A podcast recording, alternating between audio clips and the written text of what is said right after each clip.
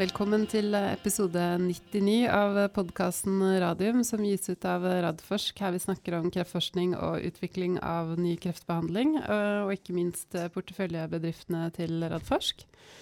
Um, I dag har vi dessverre ikke med oss Jonas Einarsson, for han er dessverre i et møte. Men jeg har vært så heldig at jeg meg, har fått med meg to gjester. Um, og den podkasten her den skal foregå på engelsk, så vi bare går videre på engelsk med en gang. Uh, it's nice to have uh, friends in the studio, even though Jonas uh, is away. So, uh, welcome Raji Medvan, uh, CEO of Roche Norway. Thank you. Excited to be here. That's good. And also Ketil Widerberg, uh, CEO in Oslo Cancer Cluster. Thank you. Thank you. Just try to speak close to the microphone. Um, this episode is episode 99 of the of the podcast. So we will celebrate our number 100 episode uh, next uh, next week. And uh, the theme today is personal personalized medicine and also digitalization. And this is uh, Jonas and I always joke about. This is our black box. So I'm so pleased to have two experts in the studio which I can uh, ask questions and get uh, brilliant answers. But uh, first, Rajiv, um, I'm a bit curious about Roche. It's a big global uh, pharmaceutical company. Maybe you can tell us a bit about uh, the global corporation and also the Norwegian branch, and uh, what's your niche in this in this pharmaceutical industry. Sure. Um, so, as you said, Roche is a global pharmaceutical company. And interestingly, actually, we are a leader in the personalized healthcare space that I'm looking forward to talking today. Um, we span the entire spectrum, not just in treatments, but also in diagnostics, now getting quite engaged in uh, genomic diagnostics and also in collection of meaningful data. Um, so, yes, hope to, through our advances in this, bring better outcomes for more patients faster. That's good. We uh, I mean, we need that. The world needs yes. uh, needs that. Uh, but uh, for uh, uh, Norway, how many employees are you here? So Roche Norway? Norway, we are 150 employees here, working across diagnostics and pharmaceuticals. we are headquartered in Brynseng. Mm -hmm. yes. Do you do any research, or is it mostly marketing? Yes, no, uh, we're active in clinical research a lot. Uh, we have about 30 clinical trials running uh, currently in, in Norway, and about uh, 25 plus of them are in cancer. Hmm. I think that uh, must um, must mean that you are one of the uh, pharmaceutical companies with a large presence here in Norway. We are. We are. Um, uh, I'm actually a bit uh, uh, bummed. We are number two now yeah, okay. in oncology yeah. as a hospital provider. And for many, many years, we've been the leading hospital provider mm. of medicines here in Norway. Mm, that's nice. And and Ketil, uh, for our uh, for our listeners, you have to tell uh, tell us shortly what the Oslo Cancer Cluster is about. Yeah, so Oslo Cancer Cluster is a non-profit member organization that uh, gathers the whole value chain within oncology. And uh, what we are trying to do is simply to make the research happening faster become something that makes a difference for patients. And um, Elizabeth, you have been one of the uh, builders of the cancer cluster. uh, Jonas is not here, has also been a builder yeah, of the cancer clusters. And I think that what has been achieved so far is really to gather the whole ecosystem. And I think the subject we're going to discuss today is how this digitalization that's currently happening is changing parts of the dynamics in this industry and what we can achieve. Mm. Um, and uh, but and I also have to say that you have a background from IT, so you understand uh, a lot about uh, what's uh, what's going on which I wish I had actually. I only have two two vectals, which is like nothing. so um, I wish I had a mind that could uh, understand a bit more what's going uh, going on. I think we all would like to. Do okay, especially when it's comes uh, when it comes to AI. Um, if if we go a bit more into it, uh, so digitalization, personalized medicine, uh, they are, uh, I mean, two of the major buzzwords uh, you could say within uh, oncology and developing uh, new new treatments. You also have immunotherapy, but that is what we usually talk about in this yeah. podcast. So we will leave that. Um, uh, which are the major aspects uh, you are working on in regards to this? I will start with you, Raji. Sure. Um, so, digitalization and personalized medicine, uh, to me, are the future. And in fact, it's the the way I think about it is the future is already here. Um, so, if you look at the examples that are out there already, um, only last year we saw digital pathology, for example, uh, we were able to diagnose skin cancer through through digital mechanisms, actually in a much more precise way than humans. Um, we have now three or four tumor agnostic uh, medicines that are already available uh, in in in the in the market. So uh, there are many many more examples. So to me, these are not just buzzwords. Uh, I think the, this is the future, and the future is already here. Uh, the important aspects that we are working on um, I like to frame them in three ways. So the first one is a lot around how do we accelerate the personalized healthcare and digital environment here in Norway right? And that's anywhere from continuing to raise the awareness uh, that look, data is the new currency. So so let's get on this bandwagon uh, to actually helping with infrastructure here in Norway. So when you hear about projects like Inspire, which are a really nice showcase of public and private collaboration, the purpose of that is exactly that to really build infrastructure here in Norway. I think the second thing that we are very focused on at Roche uh, in Norway and globally is how do we make sure that uh, genomic profiling is uh, part and parcel of every day of clinical practice. So we are very focused on that, and the dream would be that every cancer patient gets genomically profiled. And then the third aspect that we are working really hard on is how do we get uh, cancer diagnostics and genomic diagnostics reimbursed, and then also the pursuant treatments reimbursed so that our people can actually benefit from it. Hmm. So I would sum it up. Those are kind of the three broad areas hmm. where we hope to make make a big impact. Hmm. And uh, well, and in regards to Norway, are we are we lagging behind, or are we are we world leaders in in any of these areas that you're mentioning, compared um, to uh, to other parts? Sure, uh, sure. I think we're starting to see that these things are truly important. So if you now listen to to the words of uh, whether it's the health minister, whether it's the white paper that's just come out, whether it's clinicians, people like Ketil and myself, everybody understands, I believe, that this is important and this future is here. I think where people are struggling here in Norway is in the how. How do we actually make this come a reality? And that, that's where I believe we have a lot to learn perhaps from other markets who are much further ahead than Norway. Um, so my hope is we'll get there.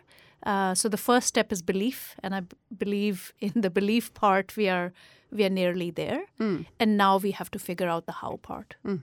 Who who are the world leaders? Who should we look to to have some good examples to bring bring back here? So uh, traditionally, I've always referenced to markets like Canada, for example, markets like the UK, which are much more advanced than us.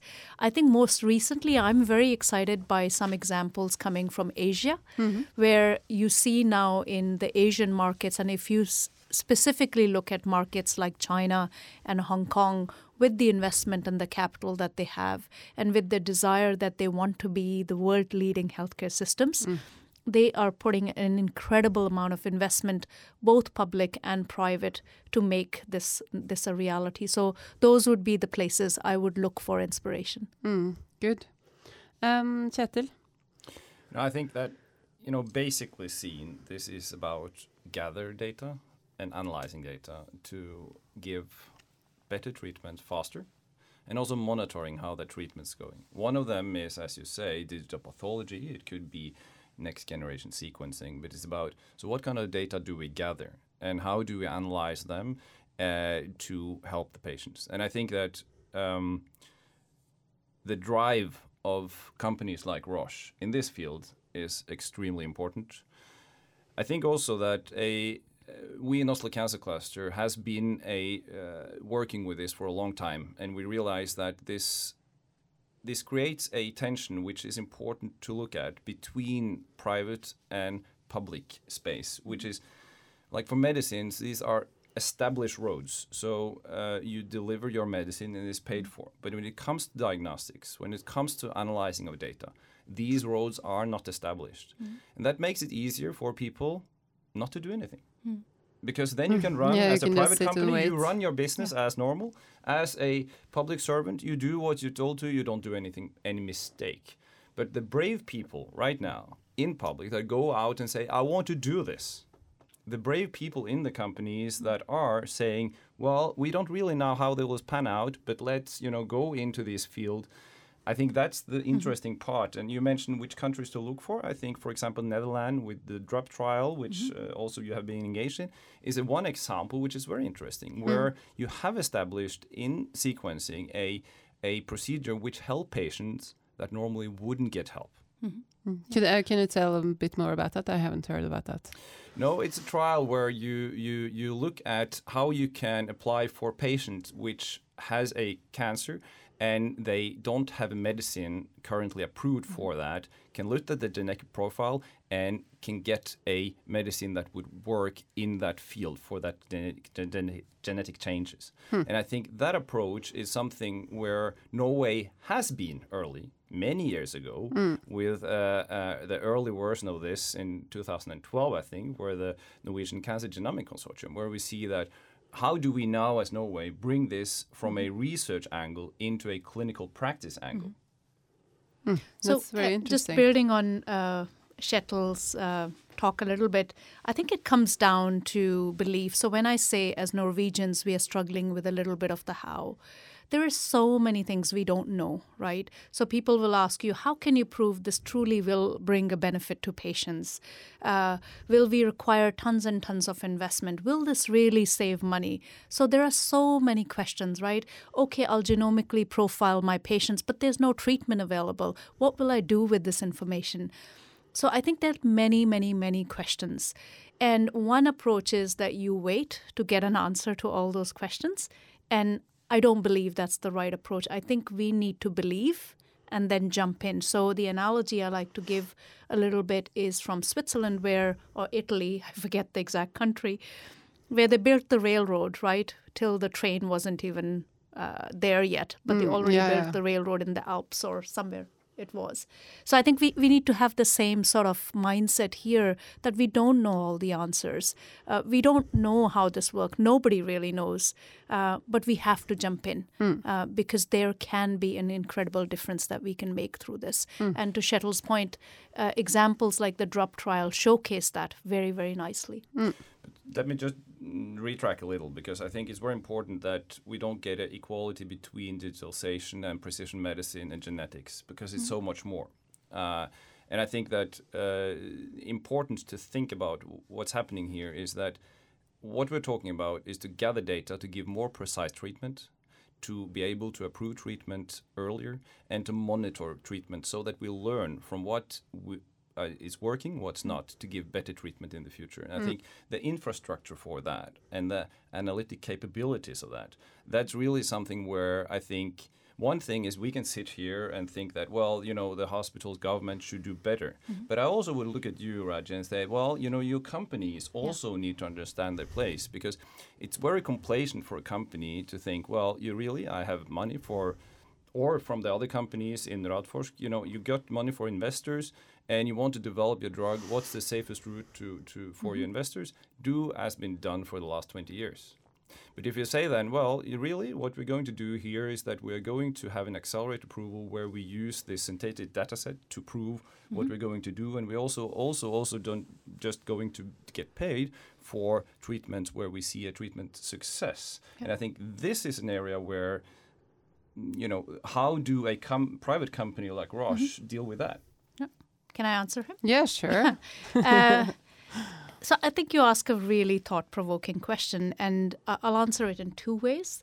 The first one is why are we in this, right? Why are we as a pharma company and Roche? When I say we are a leader in personalized healthcare, what's our angle? What are we? What's in it for us? I think the way we like to think about this is, look. Uh, this train is moving. This ecosystem will happen, is happening, where healthcare will become much more personalized and digital mechanisms will be a part of that uh, and genetics will be a part of that. So we either we can either sit on the sidelines or we can be part of shaping this environment because we know we're going to operate in a very different environment. So that's part of the reason why we are so engaged in making sure that this ecosystem develops.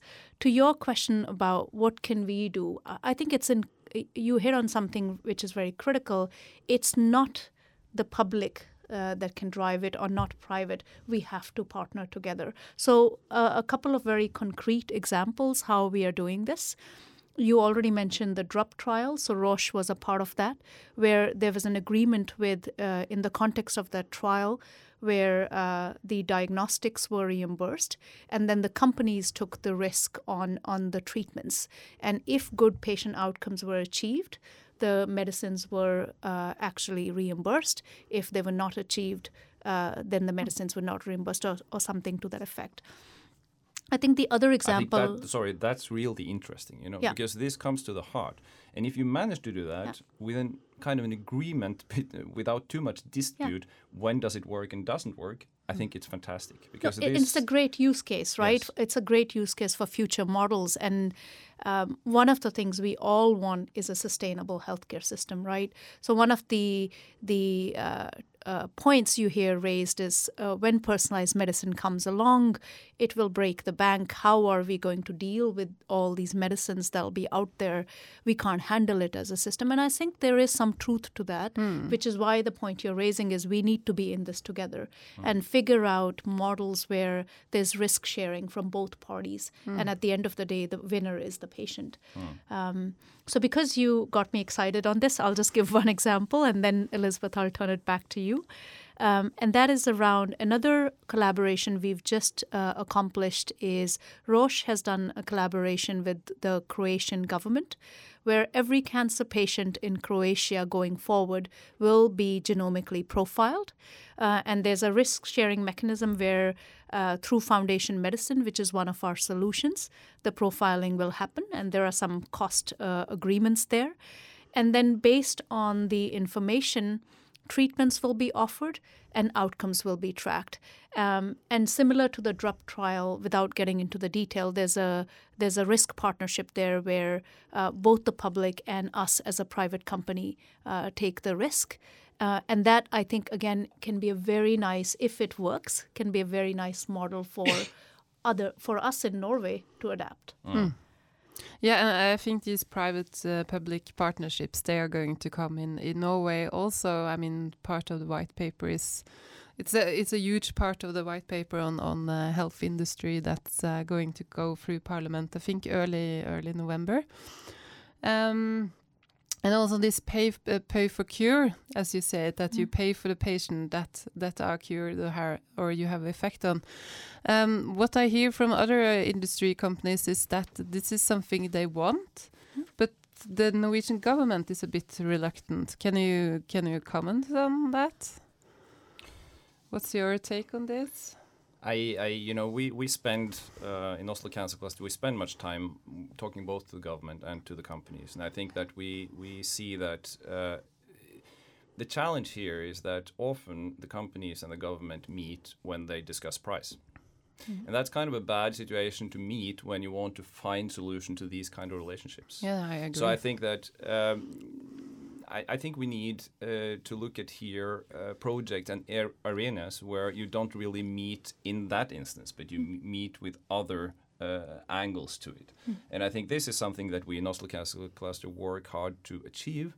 And I, uh, can I do some promotion in this, or how does it work? no, because it, it really, depends on we, we, what you are promoting. Okay, so, I, so let me do some small promotion because yeah. so so in November, uh, 12th and 13th, EHIN uh, conference, where also Oslo Cancer Cluster is an owner, will, will happen in in the Spektrum in Oslo with uh, over thousand uh, people coming. And one of the sessions that Raji also would join is really on the value of healthcare, of health data And I think this is this comes to the core of what we're discussing here because part of the resistance now is also that you're sitting as a government employee and you you you realize that if I just give out this health data and set up these structures, mm-hmm. do I risk to destroy the Norwegian public health system as has happened with much of the media industry when Google or Facebook come in? Is really the Raji for Roche sitting here, you know, a evil global comrade that will just mm-hmm. take the value out of Norwegian health data?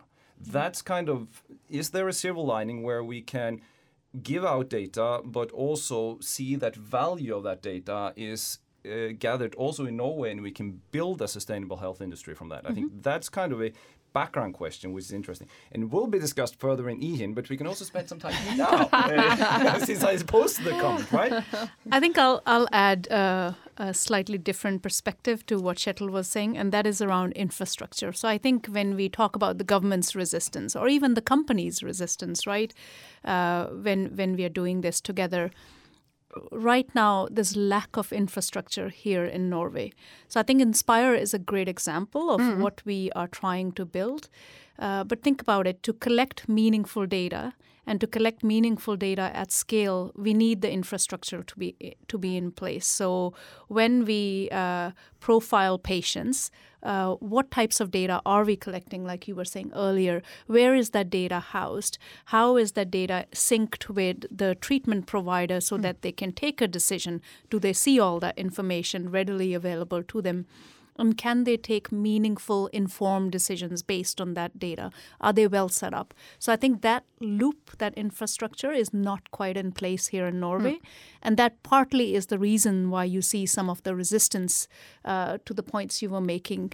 Um, so to me that needs to that's one of the fundamental things we need to put into place and once we are able to put, put that into place then we can start to do things like the DRUP trial the, the croatian mm. government example and such um, I think we're going to do more actually in Norway because I think with our registers. do you, do you have ambitions? Yes, I definitely yeah, have ambitions. I think that you know with our registers like the cancer register, with our uh, health system, I think we can do more. I think we can deliver you know um, systems to both uh, approve drugs earlier and actually be a test bed internationally mm -hmm. for how can you either expand an indication or give new treatments to certain subpopulations or new populations.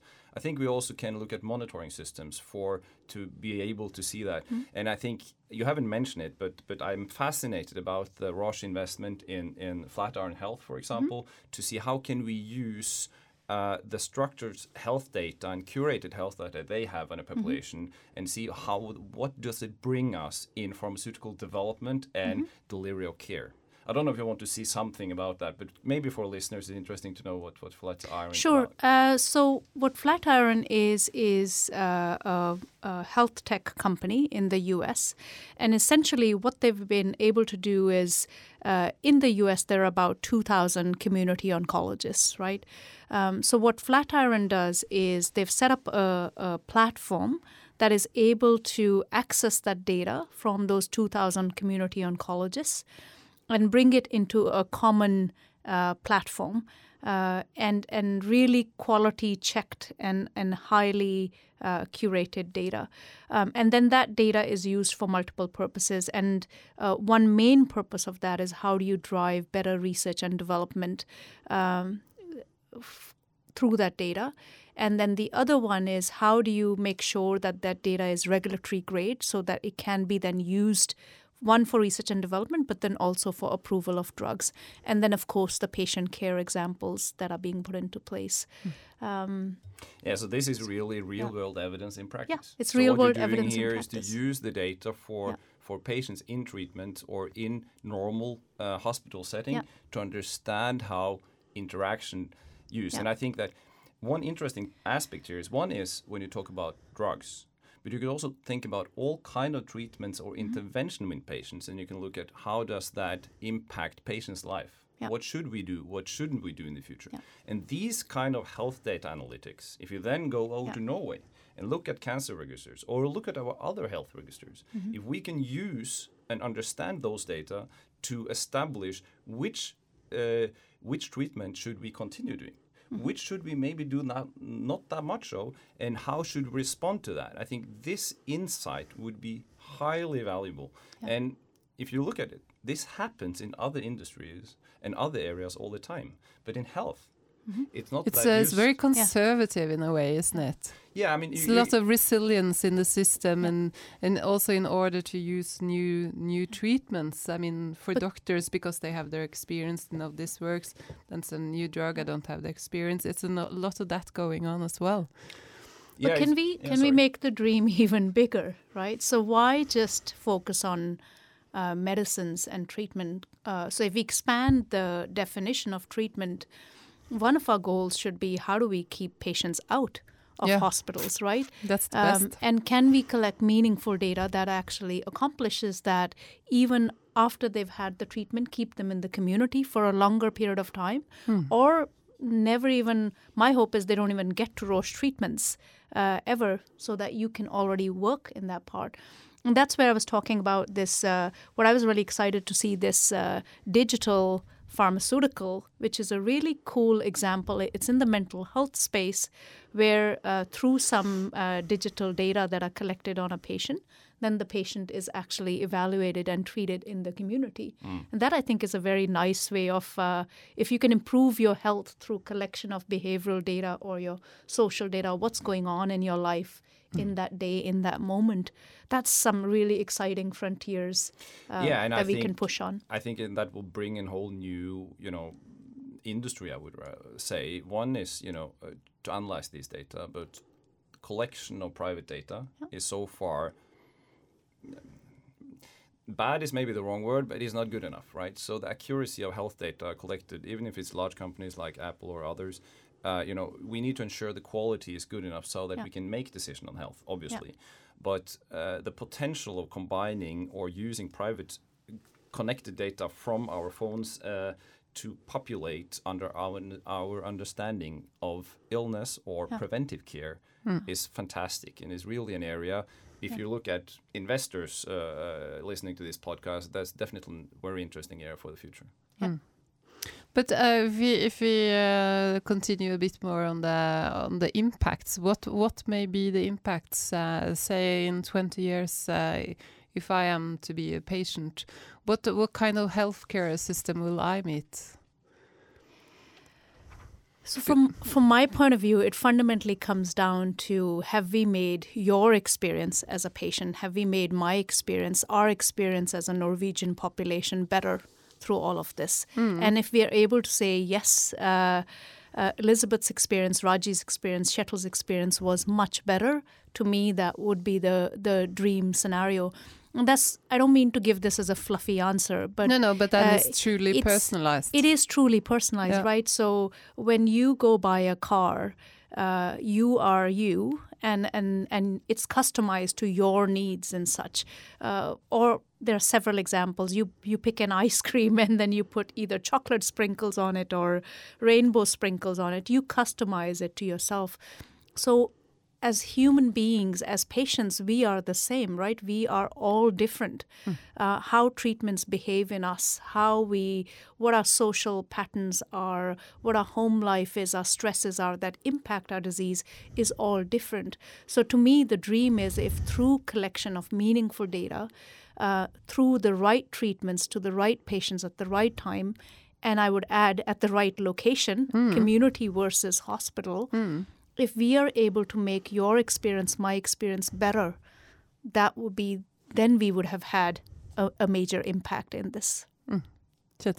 20 years ahead it's uh, it's uh, it's um, it's not that long no it's not that long you're right on that but let's yeah. let's still let's dream a little let's take you know a positive spin on that if thing goes right for the next 20 years what would happen i would say that one of the aspect is that it gets personal, as you say. Mm-hmm. But personalized medicine has been around for as long as medicine. So sure. you tailor your medicine to your patient you have in front of you. Is nothing new with that.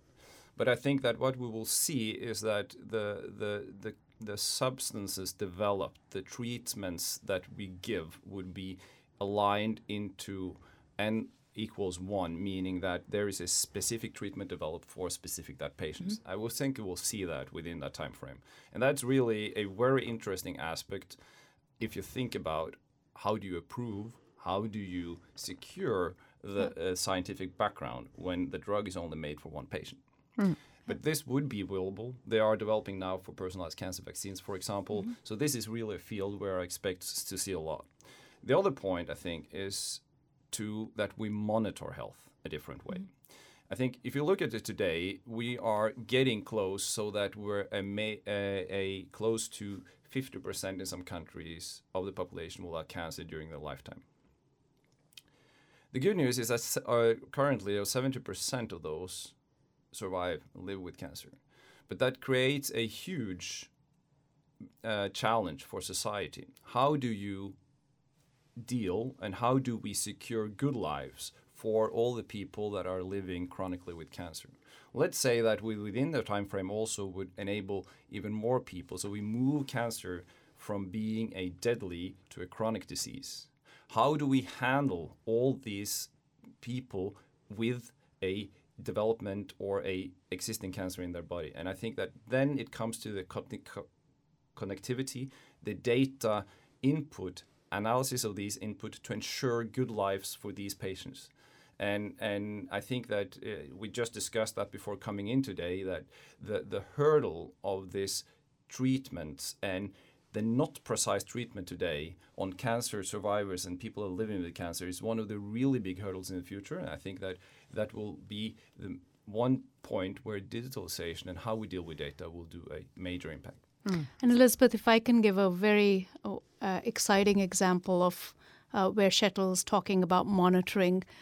So in Roche today, we've developed an app called Floodlight. Uh, it's in the field of multiple sclerosis. So if you know multiple sclerosis, what you what you're looking for in those patients is is the medicine actually making a difference to their everyday life? Are they able to lift? How are they able to, uh, yeah, the muscular control? Is that improving or not? You know, are they able to lift their hand? Are they able to lift their leg, uh, and such? Right.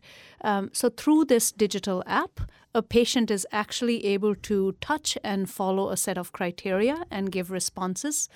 And that then gives a very nice set of information on are you actually improving? And if you monitor that longitudinally over a period of time, the clinician and the patient then have really good information on what has been the actual progress that I can see and, and feel over a period of weeks, over a period of months, over a period of years. Mm-hmm. So that I think is a really nice example of digital monitoring yeah. that's actually already happening in the field. Mm. And ours is only one example. I think there are many more out there. Mm. That's great because sometimes. Uh, when you go into the hospital and you get this iPad and you can just fill it out with mm. uh, how are you feeling?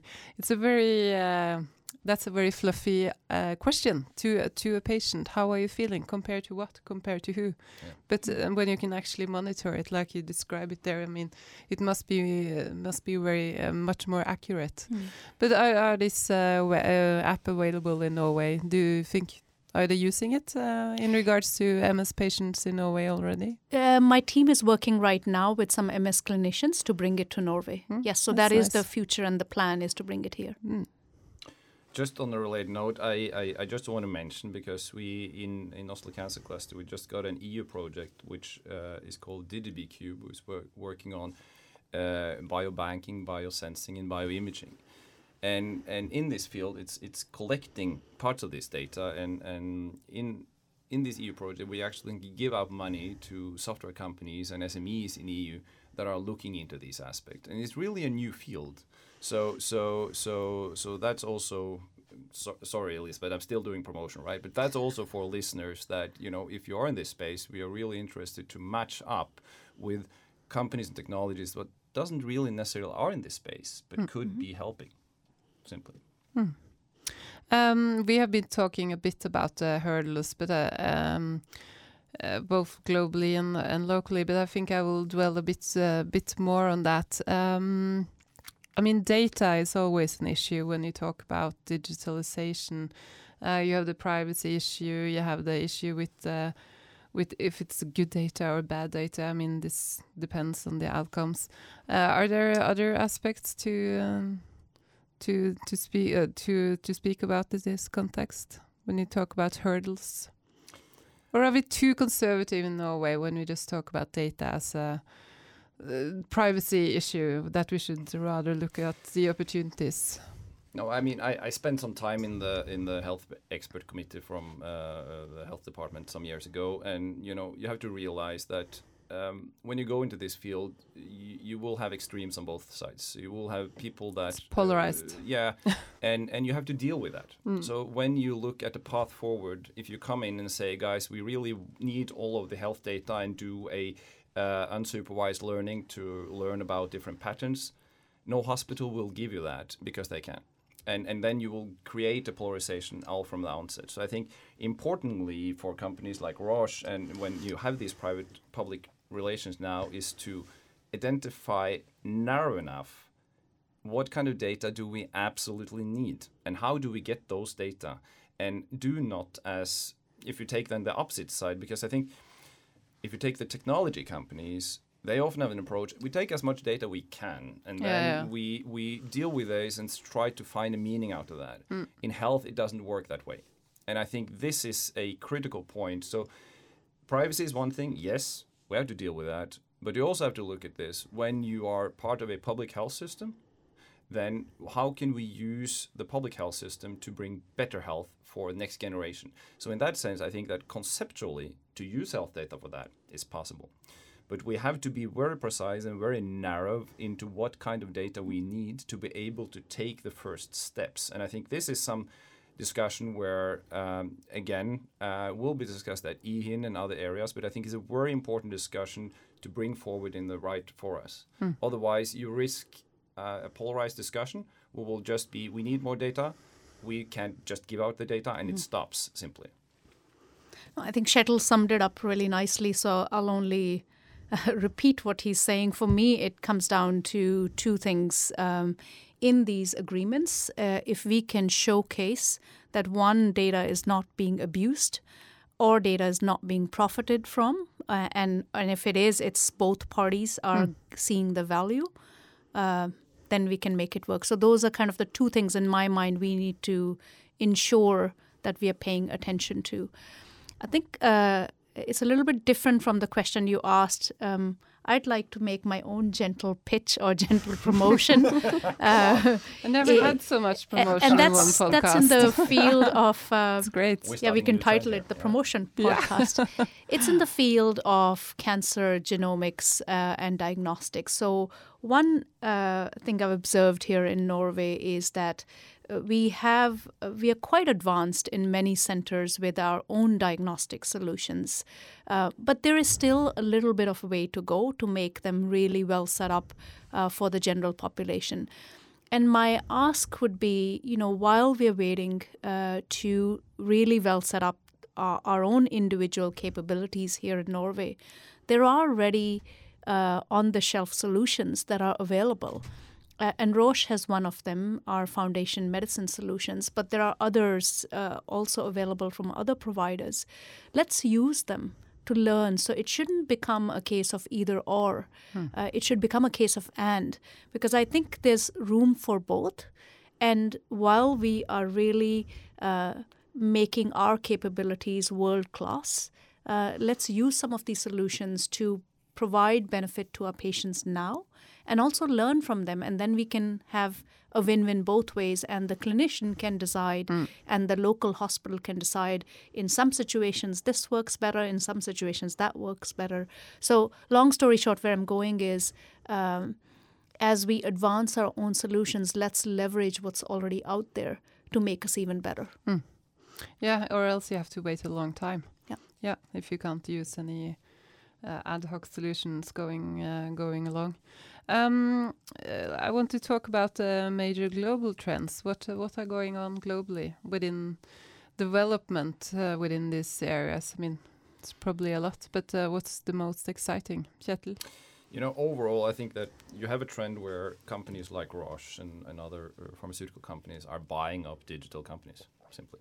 You know, like Flatiron, like Foundation uh, and, and uh, Astra and others are buying up other digital companies. And I think that this is an important trend. So you see that pharma companies understand that we need this kind of expertise and this kind of data and data gathering uh, companies.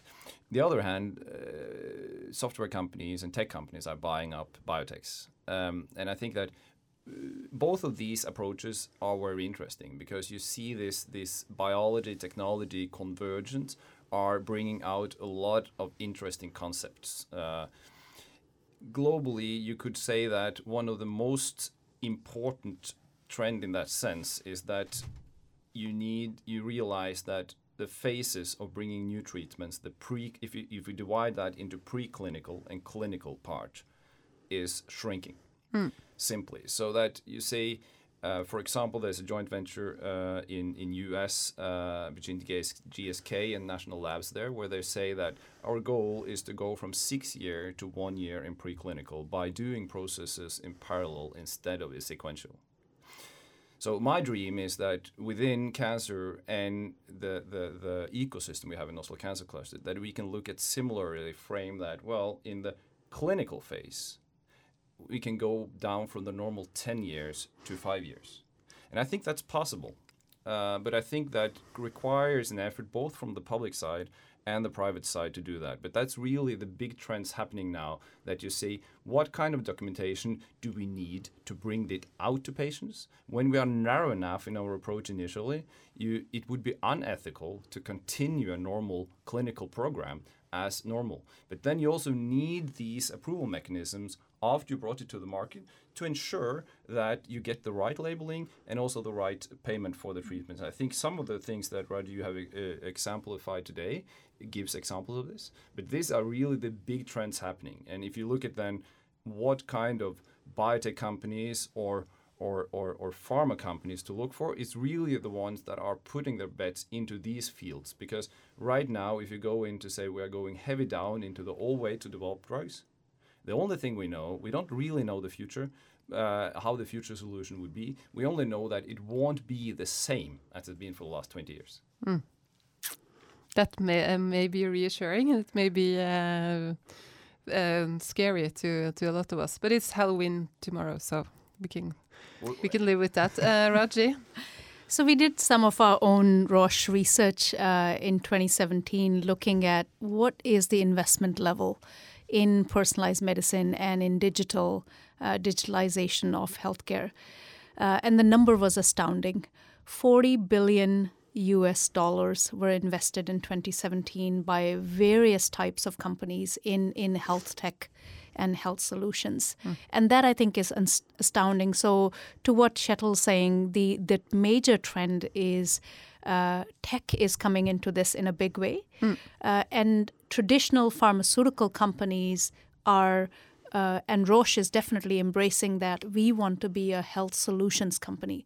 So the pharmaceutical company that we are today will not exist in 10 years. That's going to be so when a uh, I, I think I believe it was Google or uh, I forget maybe it was Apple. Somebody said. Um, you will not exist in the future. And when you hear uh, Google uh, setting up a new company called Verily, which mm. is now jumping into doing clinical trials.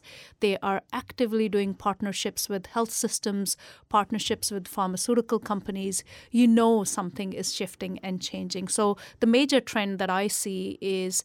Um, health and tech will fuse mm. and you will see much more of a health solution approach as opposed to a pharmaceutical or a diagnostic mm. uh, type approach mm. um, and and we're excited to be to really be a part of that and mm. that's why Roche has over the last few years very consciously uh, being investing heavily into how do we become that healthcare company of the future with investments like Flatiron, with investments like Foundation Medicine, with investments like SciAps, and many other public private and private private collaborations. Mm.